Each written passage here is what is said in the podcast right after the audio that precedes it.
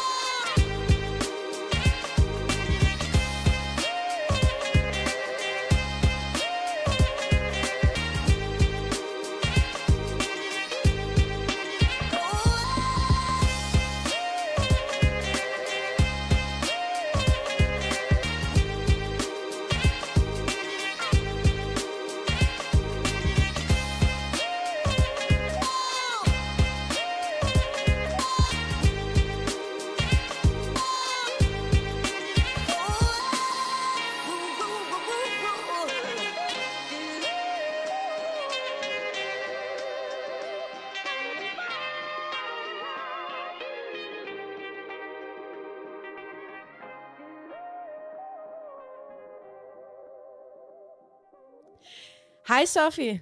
Hej Sati. Hej lyttere. Hej alle. Så blev det onsdag, eller som vores gode ven Martin siger, koneaften. Ja, så blev det koneaften igen, og vi er mega glade for, at I er her igen. Yes. Men jeg er nødt til at tage ordet her fra starten af, fordi jeg, jeg, jeg, ved, jeg ved i princippet ikke, hvordan jeg skal komme igennem den her optagelse, fordi jeg føler lidt, at jeg er i gang med at teste det der nye virtual reality porno, hvor Ja. at du ved, man har de der briller på, og så ligner det ligesom, at man har sex med dem, man ser. Okay, ja. Øhm, og det lyder helt forkert nu, men jeg har vidderligt sådan, fordi vi sidder hver for sig, og sådan 80% af dit billede lige nu på Zoom, det er seriøst cirkuspigerne, eller hvad hedder de, de der sanger? Sådan nogle bakkesangerinder. Ja, det er bakkesanger inde, og det, det bryster simpelthen. Men det er også fordi setupet i dag er, at øh, vi har jo nogle forskellige mikrofoner og noget kørende, for at vi kan øh, lave det her sammen, ikke?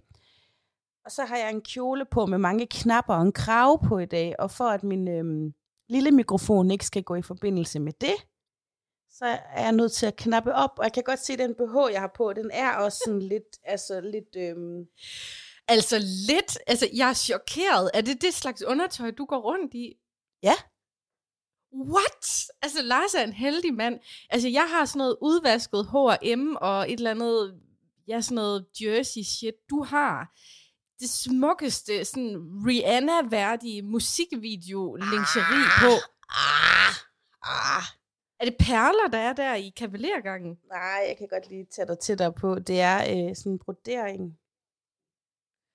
For sevan, så du ligner Fenty, det der Fenty undertøj.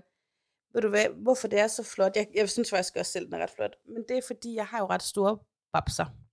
Og, Okay, siger du ikke. no shit, Sherlock. Men når man har det, så, så dur billig undertøj ikke. Altså alene at den ting, at størrelsen ikke er der, men også at de støtter simpelthen ikke nok. Nu prøver jeg lige at åbne mere op, ikke? Nu, nu bliver det her brystsnak. Men faktisk så er min Jo. BH er jo meget tynde i stoffet, og det er min veninde Sasha, der i sin tid lærte mig om dem her. Men for, selvom de er meget tynde, så hvordan kan jeg lige få det? Så løfter de faktisk mit... Hvordan kan jeg lige filme ordentligt? Oh. Altså, er der så en bøjle rundt om dine bryster, og så sådan noget tyndt stof? Altså, der er en helt almindelig bøjle BH, ikke? Men Mhm. så er stoffet, det er bare ikke sådan vatteret. Men prøv at se, den løfter det nærmest. Kan du se det? Ja, det kan jeg godt se. Den løfter nærmest mit bryst, så helt Altså, lytter, det her virtual reality, det går fuldstændig amok lige nu. Så vi sidder og løfter sine bryster op i kameravinklen. Ja, men det er så vil sige, hvis det nu var sådan vatteret, så vil det blive mere sådan blablabla. Men det her, det holder godt på brystet, og så er det bare meget smukt, og så fordi det er sådan noget tyndt stof, så er det lidt sensuelt. Ja. Og jeg køber mit undertøj på Lace, og det var lace.dk, rabatkode not coming up. Øhm, Desværre. men, men, Okay, hvad vil du kalde din rabatkode, hvis nu vi havde et samarbejde med Læs? 1, 2, 3 P-kode. Ja, det, det er faktisk et meget godt, eller jeg ved, det ved jeg ikke. Jeg tror ikke, men jeg køber mit undertøj derinde, for der er der alle størrelser, og så bliver det automatisk lidt flottere. Men jeg tror, at Lars han er simpelthen så vant til det, så han ser det ikke. Nej, men det gør jeg godt nok. Jeg, jeg er meget overrasket. Jeg føler, jeg har lige lært en helt ny del af dig at kende, fordi jeg ser dig jo ikke normalt uden tøj på, men nu ved jeg ligesom kvaliteten af dit undertøj. Det er virkelig hævet hele, min, hele mit blik på dig. Din, altså, alt er Nå. forandret nu. Seriøst? Ja, jeg tør virkelig ikke vise dig, hvad jeg har på undertøj nu.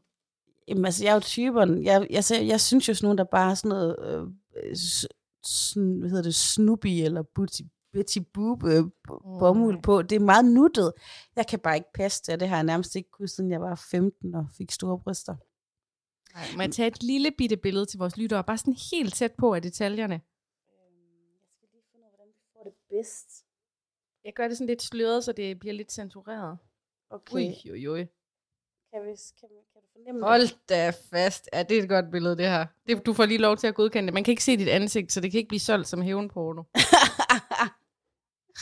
Jamen, øh, Men jeg, jeg kan vidderligt ikke se dit ansigt lige nu, Sofie. Jeg kan kun se nej, dine men bryster. det Kan er du... jo også fordi, min telefon den vender lidt dumt.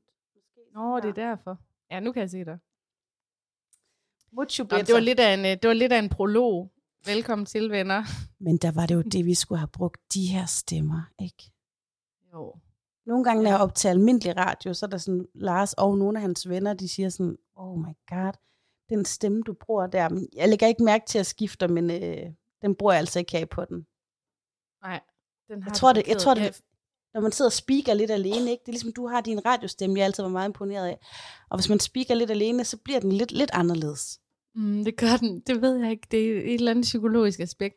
Forleden dag var der en helt vildt sej kvinde, som øh, sagde til mig, at den podcast, jeg havde anbefalet hende, kunne hun ikke lide, fordi hun følte, at podcasteren havde taget sin terapeutstemme på. Og terapeutstemme, det er åbenbart sådan, du ved, når du har ligget på briksen der og blevet healet eller masseret eller sådan, så Sandra, så tager jeg lige tæppet af det her, og så kan du bare vende dig om. Og, du ved, det er sådan der, det er faktisk lidt sjovt, for det bringer mig til noget, der godt kunne være lidt en lille historie, som jeg har med i dag, uden det er en rigtig en historie. Det siger jeg altid. Men øh, mine børn, de er begyndt at ligge og lytte til en øh, godnat-historie, vi finder på Spotify, når de skal sove. Eller Ja. det er mig, der har fundet den og tvinger dem til at lytte den. Og det er noget om, om Bamsen Geo. oh my god, Og den hver, aften, Aisha også. og hver aften, så siger de sådan, det er lidt uhyggeligt. Men den er ikke uhyggelig, men jeg tror, det er fortællerens stemme. Og han har sådan en stemme, som... Altså, der er to ting ved den. Den ene er, jeg kan ikke finde, om jeg bliver altså lidt semiliderlig af den, øh, eller... Og, og at han også lyder som en robot, du ved, sådan en computerprogram, der oplæser. Så den både irriterer mig... godt.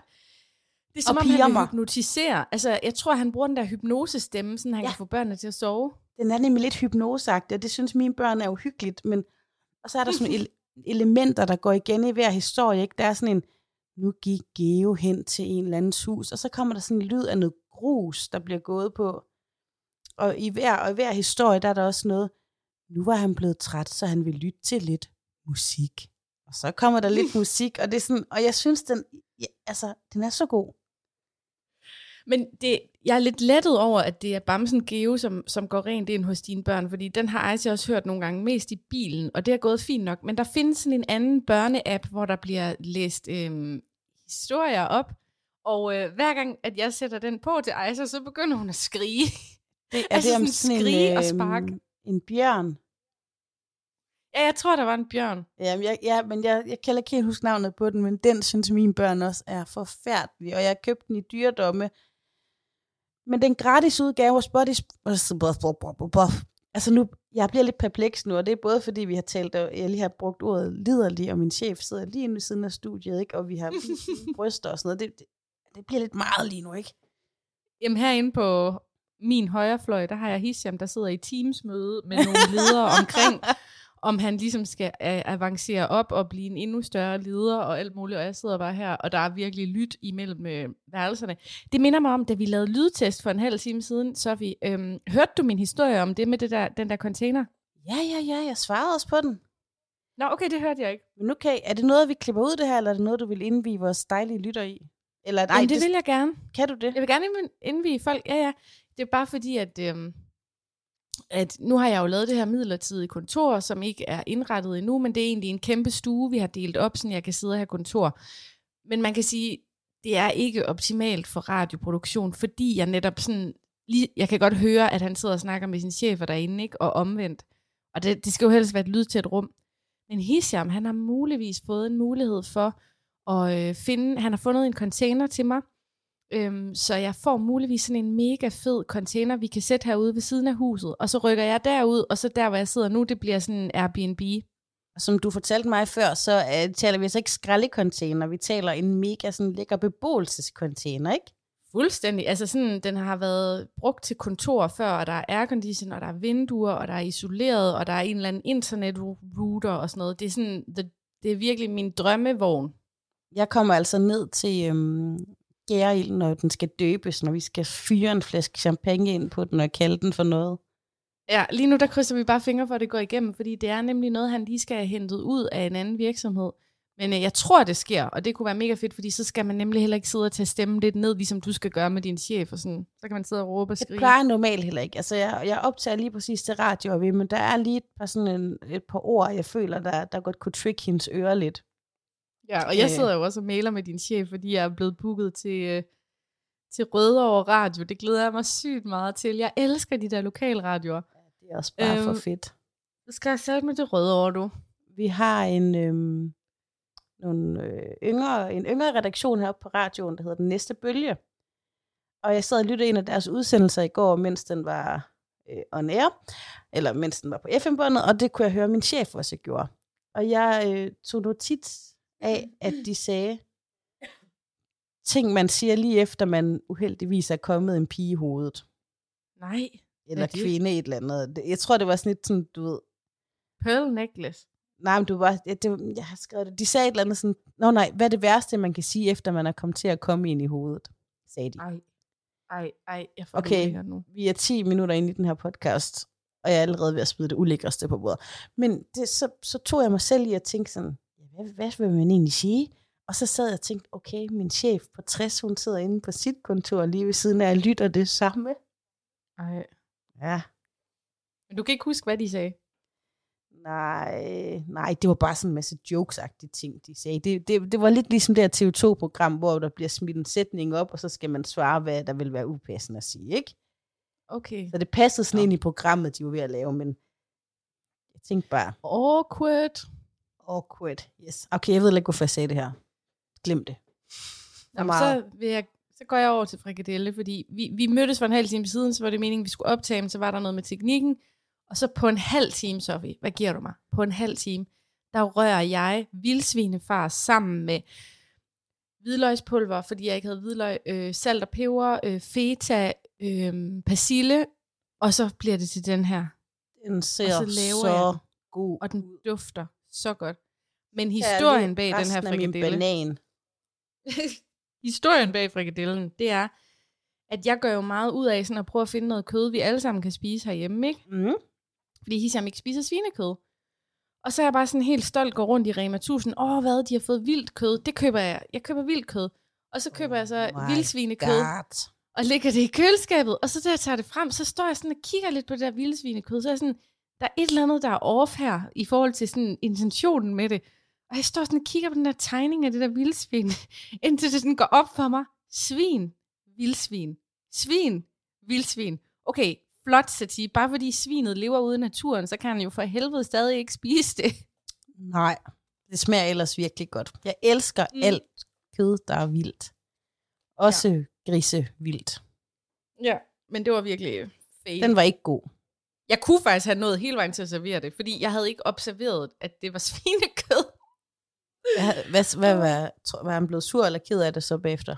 Hvis han var Nej, til at spise bare det? spise det. Han har også spist en rød pølse før og sådan noget, men hvis han, var ale- hvis han var alene i vildmarken, og der kom et vildsvin, tror du så egentlig, han ville spise det? Ja, det tror jeg. Det tror jeg helt sikkert. Jeg tror, han ville forestille sig, at det var sådan en eller anden ny borgerlig politi- politiker, og så bare nedlægge det, og så bare... Det er fordi, altså hele mit liv, det drejer sig søst om alene i vildmarken. Jeg Jamen ser... hvad? Det, det kører da ikke nu. Jamen, jeg ser bare, altså det er ligesom Beverly Hills, det kan jeg se mange gange, så bliver jeg bare ved med at gå ind og finde alle mulige gamle sæsoner også. Alone hedder det jo i Amerika, ikke? Mm-hmm. Og jeg har lige set den, der var fra Arktis, som var den vildeste sæson, sæson nogensinde, og jeg har faktisk fået Lars med på at se det også. Og når vi så ser det, så sidder jeg sådan og fryser ind i stuen, og så er han sådan, skal du er ikke alene i vildmarken. Og sådan, åh, skat, finder du ikke lige et tæppe? Alene i Vestby. Ja, og jeg, og jeg tog mig en dag i, da jeg havde set det. Sådan, blev, jeg var faktisk ret sulten, jeg havde ikke fået morgenmad. Eller frokost. Og så, øhm, så tænkte jeg sådan, men jeg kunne godt lide sulten, for jeg sådan havde lidt samme følelse som dem, der, der ikke havde spist de 10 dage derinde. Og så gik jeg ud i køkkenet, og så skulle jeg egentlig til at lave mig en mad med noget røget makrel. Men så i stedet for at tage det på rugbrøden, så blev jeg bare sådan bæst hjemme i mit eget køkken i Vestbyen. Og så tog jeg bare det der røget makrel og sådan smuldrede det. Og, sådan, Åh, den der makrel, den sprællede bare i dine hænder. ja, du og så bagefter, så tog jeg vidderligt lige skinnet, og så, så gjorde jeg lige sådan her. Lige skrab fedtet af skinnet, fordi at de siger, er alene i vildmarken, det er så vigtigt at få fedt. Ligesom den der legendariske scene, som jeg, jeg var så fascineret af den scene i Pippi, hvor Pippi hun spiser et helt øh, fiskeben, et helt fiskeskelet. Kan du huske den? Oh my god, at du siger det. Jeg har aldrig prøvet det der, men jeg har sådan en drøm om at finde den fisk, ligesom Pippi og Tommy og Annika har. De har lavet sådan en lille bål udenfor, og så steger de den der fisk på bålet, og jeg kan bare smage, hvor godt den der fisk smager. Ja. Og, og, de sidder nemlig også sådan og trækker kødet af øhm, det der Ja. fiskeskelet, eller hvad det hedder, ikke? Fiskeben. Mm. Skal vi ikke prøve det også to? Jo, vi skal da på en eller anden form for overlevelsestur. Tommy og Annika er afsted. Faktisk Kling så, klang.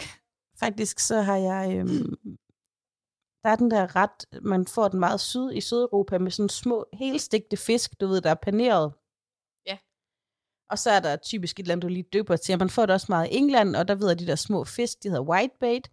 Og så er det, får du det med sådan en tartar sauce til, ikke? Det er sådan en Mhm. mm-hmm. lille forret. Og den vil jeg bare virkelig gerne have. Og så har jeg set en masse små øh, fisk ude i friluftbadet. som vist nok er den slags øh, fisk, man også kan bruge herhjemmefra. Det er jo sådan små skidtfisk. Og så overvejede jeg nemlig for nylig at gå ud med topper og fange en masse af de der små fisk, så jeg kunne få min yndlingsforret. Men så er jeg faktisk kommet til, at jeg ved ikke, hvordan jeg skal slå dem ihjel. Nej. Nej. Også fordi den her ret, det er jo hele fisk, du ved. Det, de er så små fisk, så man spiser simpelthen det hele, ikke? Altså, du kan ikke banke dem i hovedet med en hammer eller sådan noget. Nej, eller hive deres hjerte ud og sådan noget, fordi de er så små. Men hvordan skal, så tænker jeg, Skære hovedet af, men skal det jeg bare lade dem ligge og, og sådan, hvad hedder det, øh, dyr iltmangel, og så, Ja, ja. hvordan er der, hvis der er nogen af jer lytter, der ved, måske Martin, som er kok, han ved, hvordan jeg skal tilberede de her små fisk, så vil jeg virkelig Tag gerne sådan en vide lille det. kanyle ind i hjertet på dem. Ej, faktisk, det er faktisk et seriøst øh, spørgsmål, det der, fordi da jeg var på Radio 4, så lavede jeg et interview med en eller anden form for dyreorganisation. Hvad er det nu, de hedder? Dyrenes venner eller sådan noget? Dyrenes beskyttelse. Dyrenes beskyttelse, ja. Same, same. Um, og der lavede jeg et interview med direktøren, og det var faktisk mega interessant, fordi man i 30 år har troet, at fisk ikke havde nogen følelser, at de ikke kunne mærke noget. Og den anekdote, kan man sige, den lever så meget ude blandt folk. Folk tror virkelig, at fisk de sådan er følelsesløse på en eller anden måde, men det Mhm. mm. er de ikke, og man har åbnet op for forskningen igen, og man har fundet ud af, at den måde, man fanger fisk på, det er fuldstændig inhumant, fordi fisk bliver jo tit bare fanget, og så ligger de jo bare og dør i sådan noget 8, 10, 12 timer, fordi der er ikke nogen aflivningsmetode. Jeg har også Og det- og det er på, man om den der krog der, den ikke gør lidt ondt. Jo, jo, jo, jo. Så, så der er faktisk her i Danmark, at de pionerer for at forske i, hvordan kan man egentlig aflive fisk ordentligt ude på fiskerbådene og sådan noget. Fordi de kan sagtens føle. Ja, men jeg har også tænkt, det er lidt mærkeligt, man tror, de ikke kan føle, fordi hvis du nu rører ved en fisk eller sådan noget, så kan den jo ikke lide, vel? Nej, nej. Men jeg vil bare gerne vide, hvordan jeg slår de små skidtfisk ihjel, så jeg kan få min forret. Eller om måske en fiskehandler har dem. Jeg har bare ikke lige set sådan små fisk ved fiskehandleren her i Danmark. Og det er lidt langt Nej. at tage til Grækenland eller Italien for at lige få en forret. Jamen, du får jo også en alene i vildmarks oplevelse af at tage topper med ud i vader, og så, så fange jeres egen fisk i friluftsbadet. Jamen, jeg har bare tænkt mig at ligge på badebroen og så tage et lille net. Fordi de er, de er Okay. overalt der. Og så Please bare lave en lige- eller anden form for Instagram-dokumentation. Det lyder virkelig episk. Ja, men jeg, vil, jeg skal prøve at servere det for dig også. Men det er bare, den forret, den smager bare så godt, og jeg har ikke fået den siden jeg var i England, og jeg vil virkelig gerne have den nu. Mm. drømmer Ellers må du komme til. Grenå. Altså, der er også gode fiske, fiskehandlere her. Jamen, har de minifiskene? Det, det kan jeg lige tjekke ud næste gang. Jeg overvejer jo kraftigt at gå ned i en dyrehandel og spørge, om de ikke har et par døde guldfisk, jeg kan lave det af. For søren, Sofie. Jamen, Øhm, øhm, 10. Jeg har da også lidt på listen her. Hvad der er sket siden sidst. Altså, jamen, øh, siden sidst, så har jeg faktisk sat vores traktor til salg. Og vi overtog jo med det her hus, der overtog vi en legendarisk traktor. Jeg tror, den er fra 60'erne. Det er noget, der hedder en Power Major. Og den Og, er øh, så flot. Den er så flot, ja. Den har altid stået under tag, og den er rigtig velholdt, fordi ham, der boede her før, er mekaniker. Øhm, men vi, vi, vi ville godt give det en chance, om vi ligesom ville få den brugt til noget, fordi vi vidste jo ikke helt sådan med den her livsstil og sådan noget. Men vi har ligesom bare måtte sende, det kommer vi altså ikke til, fordi han brugte den jo vidderligt til at hente sit eget træ ude i skoven, fordi han arbejdede derude. Og sådan. Så det, den skal hen og bo ved en, som virkelig vil bruge den og blive mega glad for den, ikke? Og så var der også det der med, at da vi forhandlede huset, så ville de ikke gå længere ned i pris, og så tænkte vi, hmm, hvis de ikke vil gå længere ned i pris, jamen kan vi så få traktoren med, for det kan være, at den er noget værd. Det ser det jeg er også meget også. i beliggenhed, beliggenhed, beliggenhed. Nå, så vil vi have havesættet med. Lad gardinerne ja. hænge. Præcis. Det var nemlig det, vi prøvede med traktoren der. Og det viser sig, at den faktisk er 25.000 værd. Altså folk siger, at vi må i hvert fald ikke sælge den for under 20.000. Mhm. Øhm, og det er jo også en god chat penge til, at vi skal have købt nogle møbler og sådan noget. Så den er Ja. jeg i gang med at sælge. Hva- Altså, dem, der boede i jeres hus, dem ved jeg jo bor i byen endnu, ikke? Hvordan har han det med at se sin traktor gå til nogle Ja, andre? ikke så godt. Altså faktisk var det lidt akavet, fordi øhm, jeg fik hjælp af en, der hedder Taja, og hendes mand Erik, til ligesom at gennemgå traktoren, fordi det der ligesom, det der er historien, det er, hvordan sælger man noget, man ikke ved en skid om, og man skal ja. prøve at lade som om, i den der DBA-annonce og på Facebook, sådan, ja, ja, der er masser af olie, og du ved, man skal sådan lade som om, fordi ellers bliver man jo taget i røven, de kan jo lynhurtigt afkode, at man ikke ved noget om det, ikke? Ja, ja, ja. Så vi har haft en familie herude, hvor han lige vil gennemgå den og tjekke de forskellige ting og sådan noget for at hjælpe os. Og så øhm, kunne vi ikke starte den nemlig. Og det var så ærgerligt, fordi jeg ville helst ikke involvere den gamle ejer, men jeg var nødt til at skrive til ham, vi kan Oh, altså ikke starte no. traktoren. Og så kom han og startede den, og så var han sådan, skal I sælge den? Nå. Og så var jeg bare sådan helt engleface. Måske. Åh. Men problemet er bare, at han kan, jeg tror vidderligt ikke, han selv kan overtage den, fordi at han skal nemlig flytte til Midtjylland, et sted, hvor der slet ikke er plads til en traktor. Så jeg tror ligesom, han, han er nødt til at lade den gå. Han har lavet den gå til os, men det er jo endnu bedre, at nogen, der Lad den elsker den, får den. lad den gå, den traktor. Mm. Øhm, den skal da også sælges, og han har solgt sit hus, men jeg kan bare lige forestille mig det der med sådan, når den kører ud af byen, han står lige og fælder en tårer og vifter med lommetørklædet i hånden, ikke? Mm. Mm. Jeg tror også, han har haft den i 40 år. Det er helt vildt. Det er jo sindssygt, ikke? At have haft, altså det er jo et kærlighedsforhold. Det er det. Han har været han- helt altså- altså, ung. Jeg tror, vi har været forbi her 4-5 gange, og hver eneste gang, vi har været forbi, så kører han rundt på den traktor rundt om huset. Nå, men den skal sælges, og til nogle af jer, er mine måske, jeg har jo mange venner sådan i heste- og landmandsmiljøet, hvis I lytter med og kender nogen, der mangler en traktor, så øhm, er det jo satire, I skal have fat i. Ved du hvad, det er jeg så glad for, at du siger det der, fordi jeg har jo vidderligt intet netværk, der kan hjælpe mig med det her. Jeg lægger et link ind til den DBA-annonce. I må mega gerne dele den på Facebook. Det ligger nede i show notes. Jamen, jeg er en svejserkniv af netværk, du.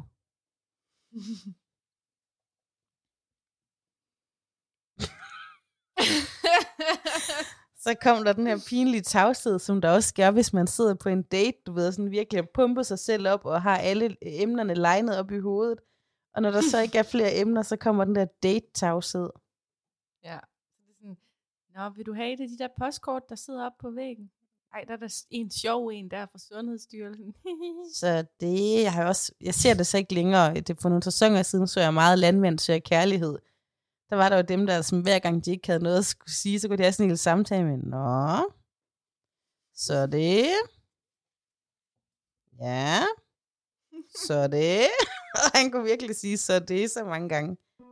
Jeg sætter snackmusik på, fordi jeg har munden fuld af vildsvin. Ja. Og så ved jeg jo, at vi har en synkron snack i dag. Jeg, jeg knæser lige lidt, så folk kan gætte med. Jeg knaser også. Oh my god, er det samme pose, vi har? Oh my god, Sofie! Oh my god! Hvad sker der for det? Slap lidt af, Sofie. Det, jeg, jeg var helt oppe i pitch der. Men Jeg har bare været i 365. Hvor har du været? 365? Jeg har været i Jamen, det er fordi- Fakta. Jamen, det er nemlig det nye faktor, jeg har været i. Oh my god, når man lige åbner... Okay, nu skal jeg ikke sige mere oh my god, så bliver det simpelthen for meget. Men når man lige åbner øh, posen her, så er duften ikke øh, synderlig god. Men jeg er faktisk spændt på, hvad du synes om de her, fordi jeg synes faktisk ikke, de her de er særlig gode. Nej. Øhm, at kalde det gammeldags, det er nok lige at, at, at, at stramme den. Det er sådan meget synes? luft. Ved du, dem her de er? Mm. De er en blanding. Og, og til dem, der måske ikke ved, at vi taler om det flæskesvær, vi sidder og spiser, ikke? Dem, vi spiser, dem her, de er sådan en blanding af... Der findes jo faktisk lidt to typer flæskesvær. Der findes jo tre. Altså den, der sidder på stegen, når man lige har fået den, ikke? Så er der dem, der man køber, som, hvor man sådan virkelig kan fornemme, at slagteren har lavet hvor der også stadig er lidt fedt på og sådan noget, ikke? Dem så er det- elsker jeg. Og så er der de der, som man køber typisk ret billige i en kæmpe pose, som er sådan helt poppet. Altså hvor sådan helt Mhm. mm. store og fluffy. Og dem her, det er sådan en blanding af de fluffy og gammeldags. De minder lidt om den luft, der er i bacon chips. Ja, præcis. Um, okay, nu tykker jeg lige amok. Men hvorfor er det egentlig, vi De spiser smager flæsk? bare ikke så godt. Øhm, er det? det er jo fordi, at, øhm, at jeg stadig kører keto. Og det er mm. Mm. en klassisk keto-snack, det her. Ja. Kender du det, når man synker dem, og det er som om, de kvæler en indenfra ned i halsen?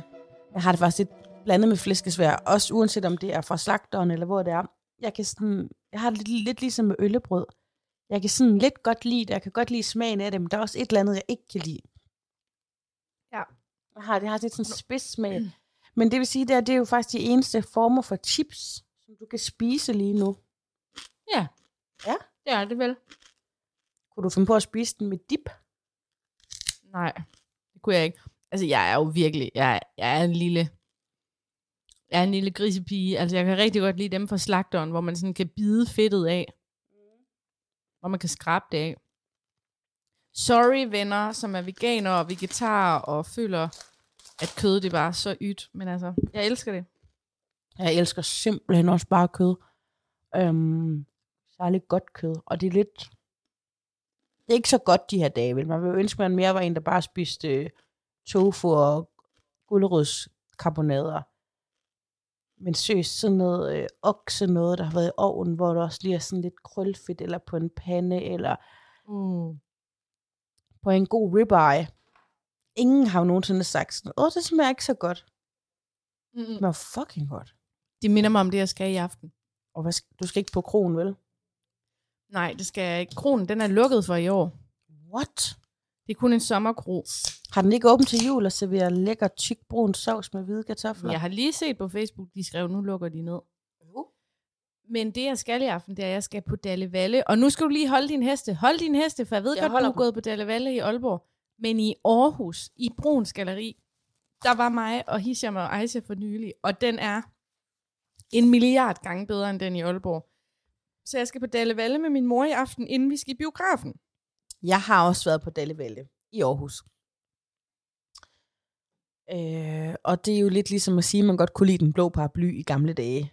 Eller hvad hed den, den der i København, hvor man også bare, jeg har glemt, kunne få en masse mad billigt. Men jeg synes ikke, Dallevalle er så dårligt. Altså, jeg har aldrig blevet syg af at gå derind for det første. Jeg ved jo godt, det ikke er øh, Michelin-mad, og det er jo heller ikke... Øh, men altså, nogle af retterne er da helt ganske fine, og så har de altså verdens bedste iste. Virkelig. Har de det? Mm, du skal købe den der iste, de har. Den er så god. Jeg ved ikke, om det går ind under keto. Øh, det kan du nok ikke få. Nej, men det er jo det, man bliver sådan killjoy. Det er også det, du har snakket om, ikke? Jeg er på keto. Jo. Jeg er på Ja. keto. Jeg er på keto, og jeg hører keto. Øhm, men, men, Jeg er på keto, og jeg hører kato, og jeg tager men Dalle Valle i. Aalborg, øhm, den er her ikke længere. Er den ikke? Nej, den er lukket. Nå, er der kommet en burger joint i stedet? Ja, det her er der sikkert 25.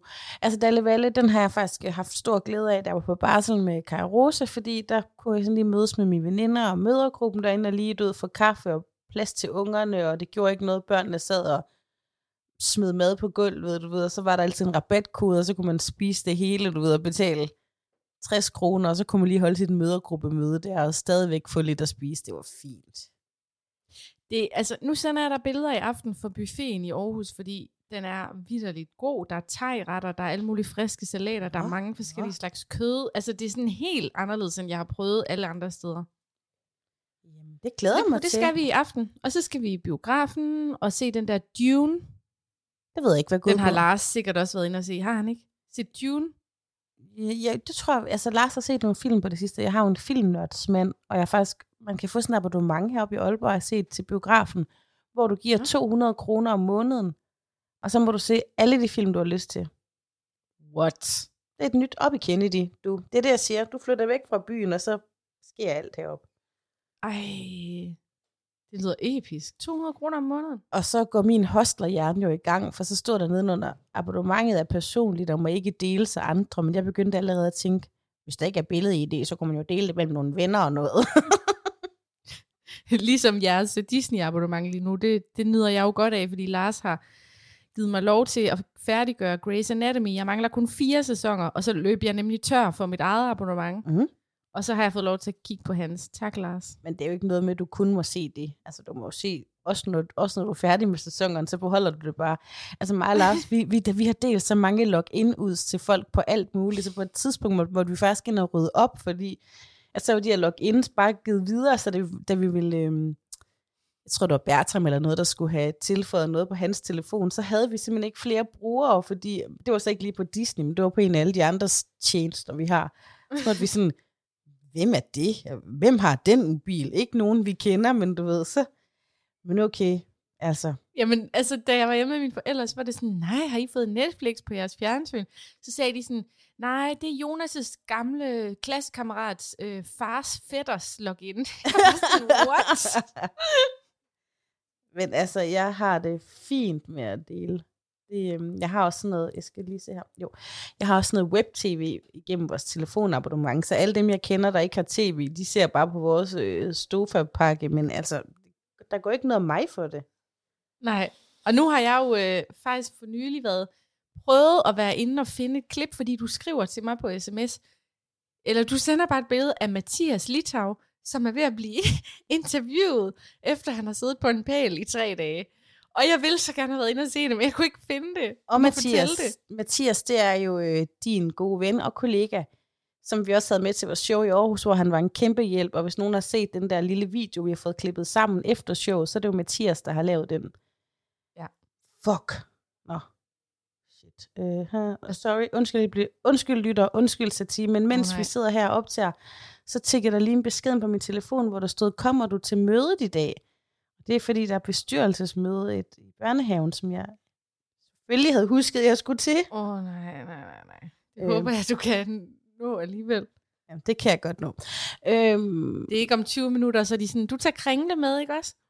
åh, nej, det er heldigvis først klokken 17, men jeg, jeg har fandme til mange møder de her dage i alle de bestyrelser, jeg melder mig ind i. Nå. Mathias. Det var ikke er- lyden, der gik tabt, vel? Altså, fordi du sagde fuck shit, så tænker jeg bare, åh oh, nej, tænk, hvis vi ikke har Nej, nej, det er fordi, den der besked lige kom ind, og altså, min hjerne er sådan lidt dampi, så jeg blev lige... Øh, det var Anastina, der lige skrev. Okay, tilbage til Mathias. Tilbage til Mathias. Okay, ja. Søde dig. Det der, det klipper du ud.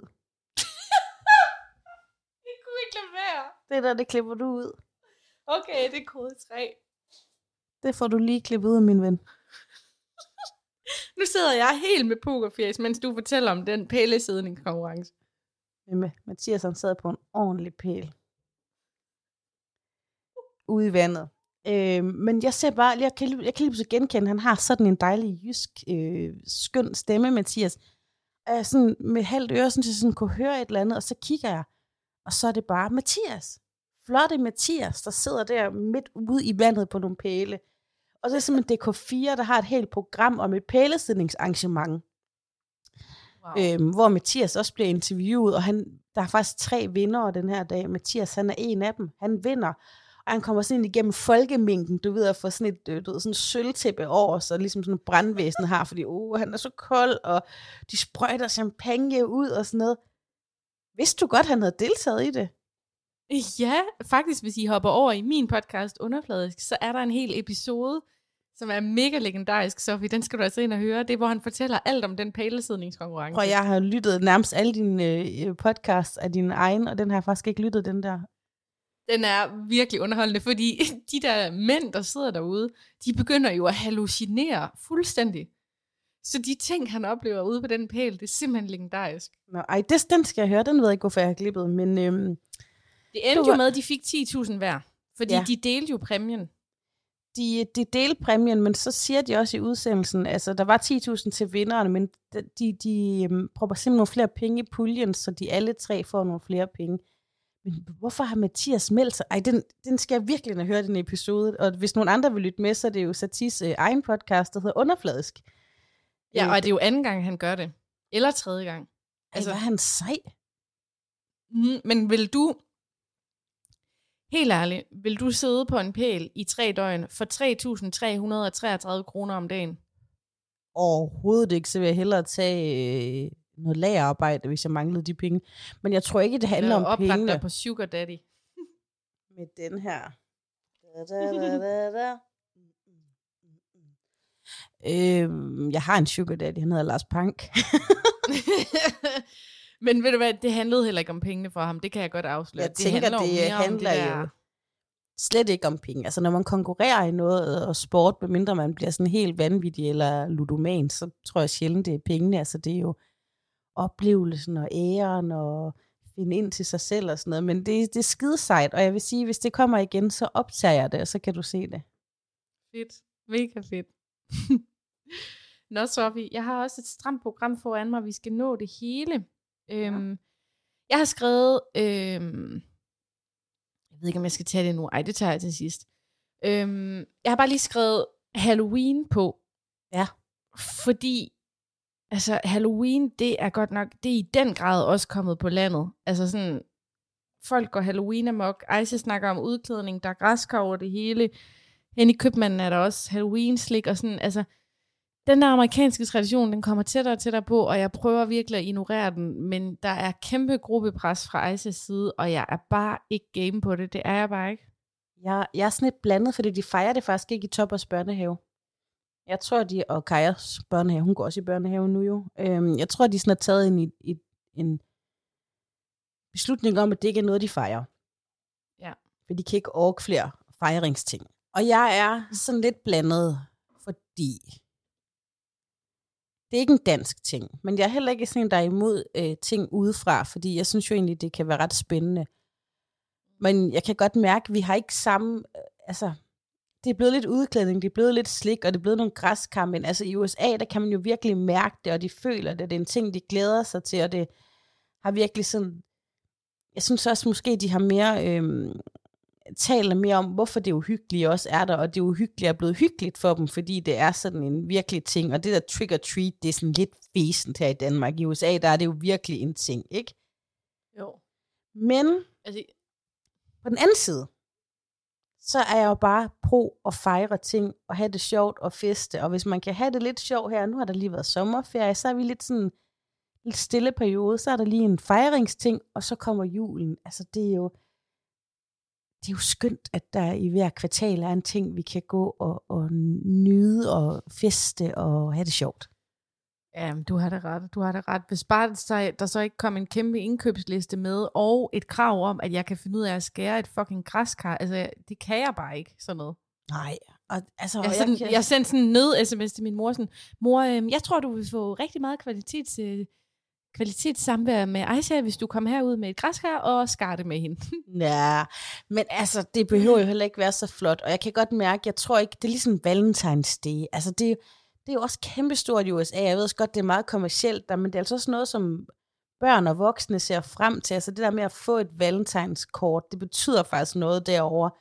Det gør det jo ikke rigtigt her, udover en eller anden liderbuk på 19, der sender roser til hans blondine kæreste. Ej, altså til gengæld, så, altså alle helgens aften og sel, sel, selve tanken bag kan jeg rigtig godt lide. Og jeg har også tænkt mig at tage til alle helgens gudstjeneste, men det er bare svært, synes jeg, at tage en, en kulturel fejring til sig, når man ikke fatter, hvad det går ud på, hvorfor Ja. de gør det. Alt det der Øh, og så skal jeg ligesom bare opnået. købe alt i Føtex, ja. og så skal jeg bare sige yes. Jeg vil også ønske, at det var, øh, ja, det, det bliver lidt kommercielt, det kan jeg godt se. Og, men jeg kan godt lide, du ved, øh, lyset, at vi tager lys i mørket nu, og, og man måske også skulle snakke om netop alle hel- helgens aften, og, og mindes dem, man savner. Og, ja. Jeg er sådan lidt splittet, fordi vi har egentlig ikke pyntet op med det hjemme, og det vil mine børn sikkert også ønske, vi skulle. Men jeg synes, det er hyggeligt med noget græskar mødes, og man kan lave noget græskarsuppe bagefter. Men ja, jeg, jeg, jeg er faktisk splittet.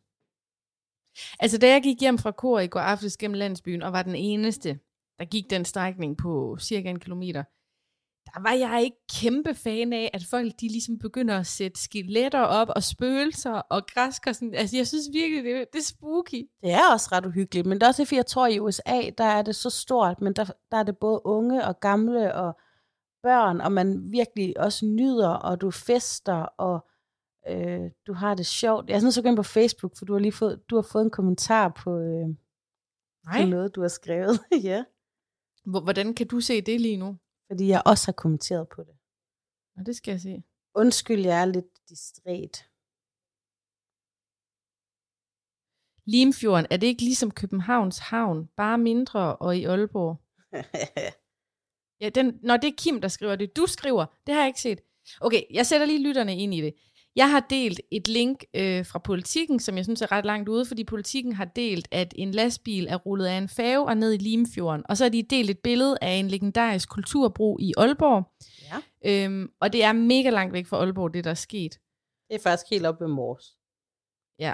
Og du har så skrevet, det er Jylland. Det er vel en bro og lidt vand, tænkte en københavner i hans eget Truman-show. Og så skriver Kim, Limfjorden, er det ikke ligesom Københavns Havn, bare mindre og i Aalborg? Jeg forstår faktisk ikke den kommentar, men det er fra en københavner. Kim bor i København. Jamen, jeg tror, han mener lidt det samme som mig. Du ved, bare sådan, er det ikke bare noget, du sådan lidt, sådan, lidt københavneragtigt? Er det ikke bare... Ja. Li- øh, Le- Belinda skriver, Limfjorden, det er den, der løber igennem Aalborg, er det ikke? Men det er også bare så... Jeg elsker faktisk København. Jeg synes, det er en dejlig by. Jeg synes, den er smuk, og jeg synes ved Gud også, den er stor. Ja. Men Danmark, Danmark, Danmark. Hør, hvad mor har at sige her. Større er den jo heller ikke. Og københavner, de har sådan en idé om, jeg tror nogle gange, de tænker, Tokyo, London, New York, København, Paris. Det er bare ikke sådan lige i hele virkeligheden er, homies. Fordi Ej, men. Der findes jo byer i USA, som nærmest er, hvad man kunne kalde en flække, med flere indbyggere, end der er i hele København. Så det er en stor by, og vi er stolte af den, og den er helt klart den største i Danmark. Men nogle gange, så er det ligesom her i vores lille Annedams Danmark, så føler vi, at altså, åh, København, prøv at venner, de fleste i Tokyo har aldrig hørt om den, vel? De tror, det er en forstad til, til Holland. Men altså, tilbage til billedet, fordi jeg synes faktisk, sådan redaktionelt er det mærkeligt, at, at man lægger et billede ind fra Aalborg, når det er virkelig langt væk, at der er en lastbil, der er faldet i Limfjorden. Også fordi, hvis du sådan lige laver den omvendt, hvis du skulle beskrive, for eksempel, hvis du skulle beskrive Nørreport station, for eksempel, i en, i en artikel, så vil du aldrig lægge et billede af hovedbanegården ind. Nej, eller et billede nede fra Falster. Altså, det er samme Jamen, afstand. Hvad foregår der? Men, men det er det, jeg mener, nogle gange så bliver København sådan lidt, også, også nyhederne i fjernsynet, ikke? Altså, det bliver nogle gange sådan lidt, så er der en nyhed om, der, der, der er vejarbejde, og selvfølgelig påvirker det flere mennesker, fordi der er flere mennesker i København, men der er også et, resten af landet. Altså, der er et helt land, der ikke er København, ikke? Og så bliver Ja. ja. det eddermame med sådan lidt navlepillende, sådan, ah, men det, er- det er jo lige meget, det er et eller andet sted derovre i Jylland, ikke? Jamen, derovre i Jylland, det er da sådan set også, der også er med til at finansiere, at du kan gå og hygge dig derovre og komme på sygehuset, din lille københavnersnue. Ikke? Det bliver sur også at sige. Ja. Det er ikke i jorden. Og hvis du er journalist, så skal du æde med stramme op og få dit hoved ud af din københavnerøv. Altså hvis man bor i Valpsund, hvor den der lastbil rent faktisk er droppet i Limfjorden, så vil man sidde og tænke, what? Hvorfor ligger I et billede ind af Aalborg Limfjord? Der er sikkert nogen fra Valpsund, der aldrig nogensinde har været i Aalborg. Altså. Ja, det er der helt sikkert. Men jeg så det nemlig også tidligere, da jeg tænkte sådan, gud, er det lige herovre? Og så stod der, ja, der var jeg en tænkte, at færge. det er Sofie nede og kigge på. Sådan, det må hele Aalborg være nede og kigge på, og så er det bare intet med Aalborg at gøre. Og så var der en færgeafgang, så tænkte jeg, der sejler sgu da ikke nogen færger i Aalborg. ja, det skulle ja. Da lige være Eholmsfæven. Det er en Eller- ommer. Ja, det er en ommer. Jeg har faktisk tagget politikken. Jeg håber, de har rettet det. Det her, det bringer mig til min næste historie. Det er lidt to sider af samme sag. Jeg havde et møde i går med en øhm, journalist og en mand, øhm, som tidligere har haft en række lokalradioer og tv-stationer. Mm-hmm. Jeg kan ikke lige finde om jeg skal sige hans navn. Kan du give ham et Øhm. virkelig godt alias? Jo, og det, jeg, jeg laver noget, der lyder rigtig meget som det, han hedder, og jeg kunne kalde ham for Bengt Jensen. Bent Jensen. Nej, jeg siger ikke Bent, jeg siger Bengt. Nå, Bengt. Ligesom ham på zoologisk have. Ligesom ham der fra lykkehjulet. Jeg sagde at jeg ville finde noget, der lå tæt. Bengt. Jeg sagde, at jeg ville finde noget, der lå tæt op af hans navn. Derfor kalder jeg ham på. Jeg elsker, at du vælger Bengt.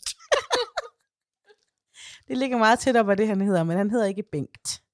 Men øhm, lad os kalde ham for Bengt Jensen. Og han er en mand, som lekserklatten også godt vil kunne lave noget over. Han er, han er det, jeg vil kalde forenings-bestyrelsesmanden. Han er flyttet her til øhm, Aalborg, efter at have boet i København i nærmest en menneskealder, hvor han har haft et kommunikationsbyrå. Øh, og øhm, han var heroppe, fordi han skal lave nogle udsendelser her på radioen og sådan noget. Det er super fint. Men kender du fast håndtryk lige når han kommer ind? Op. Der går ikke mere end fem minutter, før han lige har smidt sit visitkort. Med sådan helt ud, meget autoritær. Bum, har han lige lagt visitkortet. Og så kan du lige skrive mig en mail, siger han så, ikke? Øhm, han havde hyttesko på. Og så havde han sådan en lidt sportsy mm, sejler, øh, casual sweatshirt med lille krave, ikke? Og så sådan en lille sejlerlogo her. Og sådan et par Men han var ikke fra. Nordsjælland, vel? Nej, han er fra København. Øhm, der har han fået solgt en lejlighed, altså øh, 50.000 kroner kvadratmeteren, det er jo noget højere, end det er her i Aalborg. Øhm, så det, jeg gjorde, det var um, altså sådan helt vigtigt ud. Han var egentlig også meget sød, men til hver gang han har sagt noget, så lavede han lige sådan en lille smæld med tungen. Sådan en lille vigtighedssmæld. Og jeg kunne næsten ikke koncentrere mig. Øh, og jeg ved Gud, jeg håber ikke, at denne Bengt, han lytter den her udsendelse, fordi ja, han er faktisk rigtig sød. øhm, men jeg bliver Er Bengt intimideret. på podcast, tror du? Eller hvilke medier bruger han? Jamen, han er vist lidt på det hele, for jeg ved, at han skal også producere for nogle store fagforeninger og noget, men, men hvor intet våges. Jeg, jeg var nødt til at sige det, her, fordi det var, det var rigtig spændende, men det der i mit arbejde, når jeg også nogle gange er inde på kontoret og er i samler det, så møder jeg bare nogle typer, som jeg ellers ikke ville have mødt. Og, øh, og han er bare typen, du ved, så har han jo købt en ejerlejlighed op i Aalborg, og lynhurtigt, så er han jo kommet med i ejerforeningen, og han er blevet formand. Og okay. der var et kampvalg. For søren. Men jeg sad bare under hele mødet og bare lå mærke til, hvor mange smæld han lige stod med tungen, hver gang han havde sagt noget vigtigt, fordi han stiller op til noget nu her. Jeg vil ikke sige, hvad han stiller op til, men det er, øh, det er et valg, der kommer lige om lidt, ikke? Okay, interessant. Jamen, det er, jo det, det er jo det, vi har sagt mange gange her i siden sidst. Altså, foreningslivet, det er en livsstil. Er, Det er noget, man tager med sig ind i alle aspekter af sit liv. Og øh, jeg er jo en anden type, for jeg kan også godt lide foreningslivet, og jeg, jeg sidder også allerede og pynser på at skal med i den nye skolebestyrelse, for jeg har faktisk gået ud og besøge Toppers kommende skole. Men jeg er jo ikke en slå smut med tunge type. Jeg er typen, der godt vil vise, at vi kan være mange bestyrelsespersonligheder, ikke? Men er det ikke også noget med, at der allerede er lidt kamp om de bestyrelsesposter på den nye skole? Ej, det er Øh, nu, internt, det er nu internt siger og du noget, jeg har fortalt dig off the record. Den skal jeg lige greje, hvordan vi kan fortælle lidt mere om, men det bliver ikke i dag. Men kan du løfte sløret for, altså, hvad I har valgt af skole og sådan noget? Fordi jeg tror ikke, lytterne ved, hvad der skal ske med dine børn. Ja, men øh, vi har været øh, omkring, om øh, min børn skulle, eller mit barn lige nu i hvert fald, skulle gå på en privat øh, friskole øh, eller øh, øh, folkeskolen. Og jeg har jo selv både gået i folkeskole og i friskole. Og den folkeskoleklasse, jeg gik, var faktisk rigtig god, og det var en rigtig god folkeskole. Det var Rundhøjskolen, men jeg var, jeg, altså, jeg var ikke så meget til volleyball og alt det der som de andre. Jeg var mere til bongotrummer, så det var rigtig godt for mig at komme på friskolen. Øh, og der var også nogle ting, jeg synes på, frisk, altså på folkeskolen, som har været sådan lidt fastlåst og sådan noget, ikke? Men heldigvis, ja. Okay, det er mange år siden, jeg er gået i folkeskole, så, men jeg havde en forudindtaget holdning om, hvordan det skulle være. Og jeg, øh, men jeg tog til møde på skolen, sådan et fyreaftensmøde, hvor man sådan kunne blive introduceret, og jeg blev bare så positivt overrasket. For det første så er skolen rigtig tæt på, hvor vi bor, og den ligger lige over for Kajas børnehave, for hun kommer jo til at gå der et par år endnu uden topper. Men, der, men det er en meget, meget stor skole udefra. Altså sådan en klassisk stor rød folkeskole, bygget i 53 eller sådan noget, så meget klassisk. Så jeg tænkte sådan, åh, børnefabrik. Så kommer vi ind, og jeg er den første, der kommer til mødet. Jeg kommer til tiden, du ved, jeg er lidt god tid, og jeg sluder med ham der gutten, der bare er mega sød, og det er lige før, du ved, jeg lige giver ham sådan en dask på ryggen, du ved, og op, op, op, træk mig i fingeren -agtig. Han er skidesød. da mødet så går i gang, så siger han, han, jeg har ikke lige fået fat i hans navn, men så siger han, hej alle sammen, jeg hedder Kasper, og jeg er skoleleder. ah, nå okay, jeg troede, du var skolepædagog, men det er jo ligegyldigt, fordi, altså, men han var mega sød. Og øh, der går altså kun 300 børn på hele den her folkeskole. Der starter kun én klasse om året, og det, de har 19,2 elev per klasse. Og det er jo heller ikke så mange. Men er der ikke mega meget kamp om at komme ind på sådan en god lille skole? Øh, nej, det er der faktisk ikke, fordi vi er jo i Aalborg, og i nærområdet, der ligger der to store privatskoler, men øh, den ene det er en katolsk skole, Sankt Marie, tror jeg, hvor vores veninde Sandes barn også skal gå jo. Og så ligger der en, der hedder Klostermarkskolen, som er sådan en meget... Øh, det kunne være lidt ligesom forældreskolen i Aarhus eller sådan noget, ikke? Er det sådan, du ved, højt fagligt niveau og sådan høj fagligt den niveau rigtige med, skoletaske? men nok mere den rigtige skoletaske, og mine forældre har også gået her, og, og vi har en ferrari og det har jeg ikke lyst til, okay. Det miljøtopper, han skal gå i. Nej. Og så er der også, øhm, der er faktisk ikke så mange børn tilbage i Vestbyen, hvor vi bor, fordi at mange flytter i hus, og hvis det nu havde været i Aarhus eller København, så ville der bo mange børn i lejligheder, men det gør der ikke i Aalborg, nok slet ikke i Nordjylland. Altså, det, der, det understreger jo vidderligt det, vi har sagt hele tiden med, at der er ikke så mange børn inde i Aalborg, og det er vildt, at man kan have en folkeskole med kun 300 elever inde i Aalborg.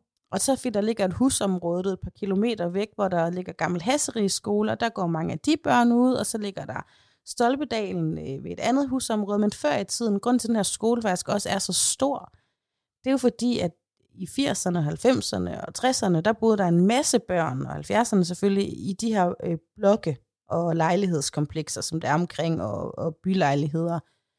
Og det gør der ikke mere. Altså, da jeg skulle i mødergruppe med nummer to barn, der kunne min øh, jordmor næsten ikke finde en mødergruppe til mig, fordi når man får nummer to barn, så flytter man væk. Præcis. Der kan jeg godt mærke, at Aalborg er en mindre by. Til gengæld Men- så er der jo masser af plads på skolen, mega mange fede læringsting, og der var helt vildt mange ting, jeg genkendte fra friskolen, som folkeskolen egentlig bare begyndte at gøre, i hvert fald den her skole. Så nu sender jeg ham på kommuneskolen, du.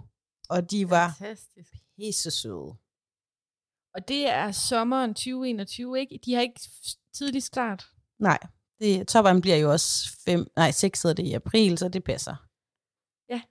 Fordi Ejse, hun skal jo starte allerede om et halvt år i april. Det er ret vildt, Hvorfor? så skal hun på skole. Fordi i Nordjyllands Kommune, der starter man i april. What? Så øhm, det er før skole, så hun kommer ligesom i SFO i en håndfuld måneder, før hun overhovedet kommer rigtigt i skole efter sommerferien. Jamen, det er da meget sejt. Ja, Men jeg synes, jeg skal godt det. nok vende mig til at skal have et skolebarn, og at vi skal være et sted klokken 8 om morgenen. Ja, kvart i otte her. Ja, også Kvart i 8 her, otte. hvor man møder Hvad ind. Men, der? men de har sådan en hyggelig morgendus, som kun er for de små, du ved, og der er stearinlys, og man kan få lidt at spise, og så hver dag, der sætter man sig ned i en kreds, inden man starter, og snakker sammen, og lige mærker hinanden, og så går man ud og får lidt luft, inden man går i gang med at sætte sig ned.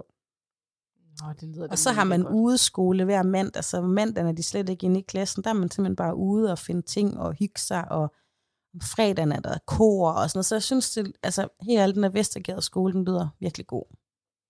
Ej, det er mega godt at høre. Så kender jeg også flere, der har børn, der er i forvejen, som bare siger, at den er virkelig god. Altså det er jo nogle gange det allerbedste, det er jo mund til mund, ikke? Mm, men det har jeg også hørt fra flere i Ejses gamle børnehave, at deres storebrødre og sådan noget, de gik der og var mega glade for det. Så det er jo bare held, held i uheld, at der ikke er så mange børn lige der. Men hele den her lange snak øh, og vores lille kryptiske indledning, det er, at der, der kommer også nogle børn, vi kender til, der skal gå her, som er nogle Steiner-børn. Hvis man, altså de har gået i en Steiner-børnehave, ikke? Øhm, og jeg tror, der er en masse forældre, der kommer og gerne vil revolutionere øh, folkeskolen. Men jeg tror ikke, der er så meget revolutionere på den skole, øh, Topper skal på, fordi de er bare allerede selv mega godt i gang. Jamen, det er så godt at høre. Ja. Men du skal nok få en a seat at the table. Ja, fordi så har jeg hørt fra nogle andre, at hun tror, jeg vil passe godt med bestyrelsesformanden. Altså ikke sådan øh, kærlighedsmæssigt, uh. han har jo en kone og nogle børn, og jeg har en mand og nogle børn, som jeg elsker højt, men vi vil pingponge rigtig godt, tror hun. Så nu skal jeg, jeg skal altså i skolebestyrelsen, det kan jeg godt sige dig. Det glæder vi os til at høre historier om.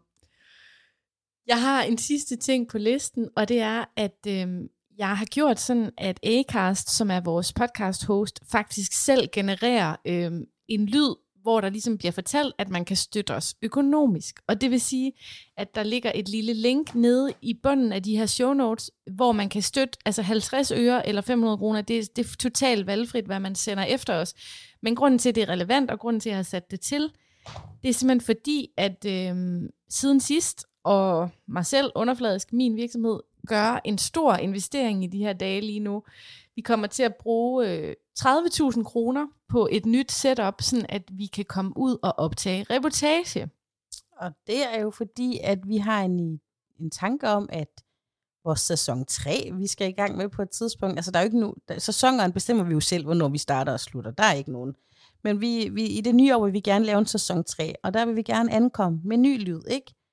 Og, og, og spice det her op, for nu er det jo ikke nogen hemmelighed, vi bor hver for sig i hver sin by nu, men vi vil gerne øh, podcaste ude i landet. Vi vil simpelthen gerne ja. øh, på tur, og vi vil også gerne lidt overseas, fordi jeg tænker også, at vi skal til Oslo og besøge Helga. Det skal vi. Men vi skal ud i verden, og vi skal bruge noget udstyr, som vi kender og forstår, og som lyder godt. Og vi har faktisk købt øhm, det udstyr, som Fuglendorf har. Så hvis I lytter til Hvad så med Christian Fuglendorf, så kommer mig og Sofie faktisk til at få det samme. Men det koster jo lidt, og det er en stor investering, så jeg tænkte, at hvis I har lyst til at smide nogle penge efter os til at støtte det projekt, jamen så er det lige præcis det, I støtter. Faktisk ja. Og vi har også allieret, med, allieret os med en af Danmarks allerbedste lydradio mediemænd, ikke? Som, øh, som ja, det er skal... faktisk Kim, som kommenterede på min Facebook. Ja, og Kim skal vi på kursus ved. Og det skulle faktisk have været den her weekend. Det er så udsat lidt, men jeg glæder mig helt vildt mega meget.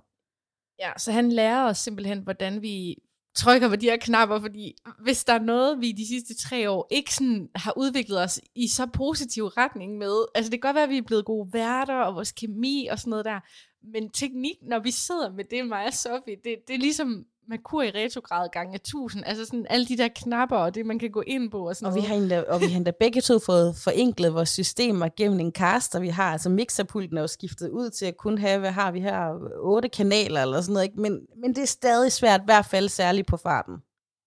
Ja, på farten, og det er det, vi skal have lavet om på.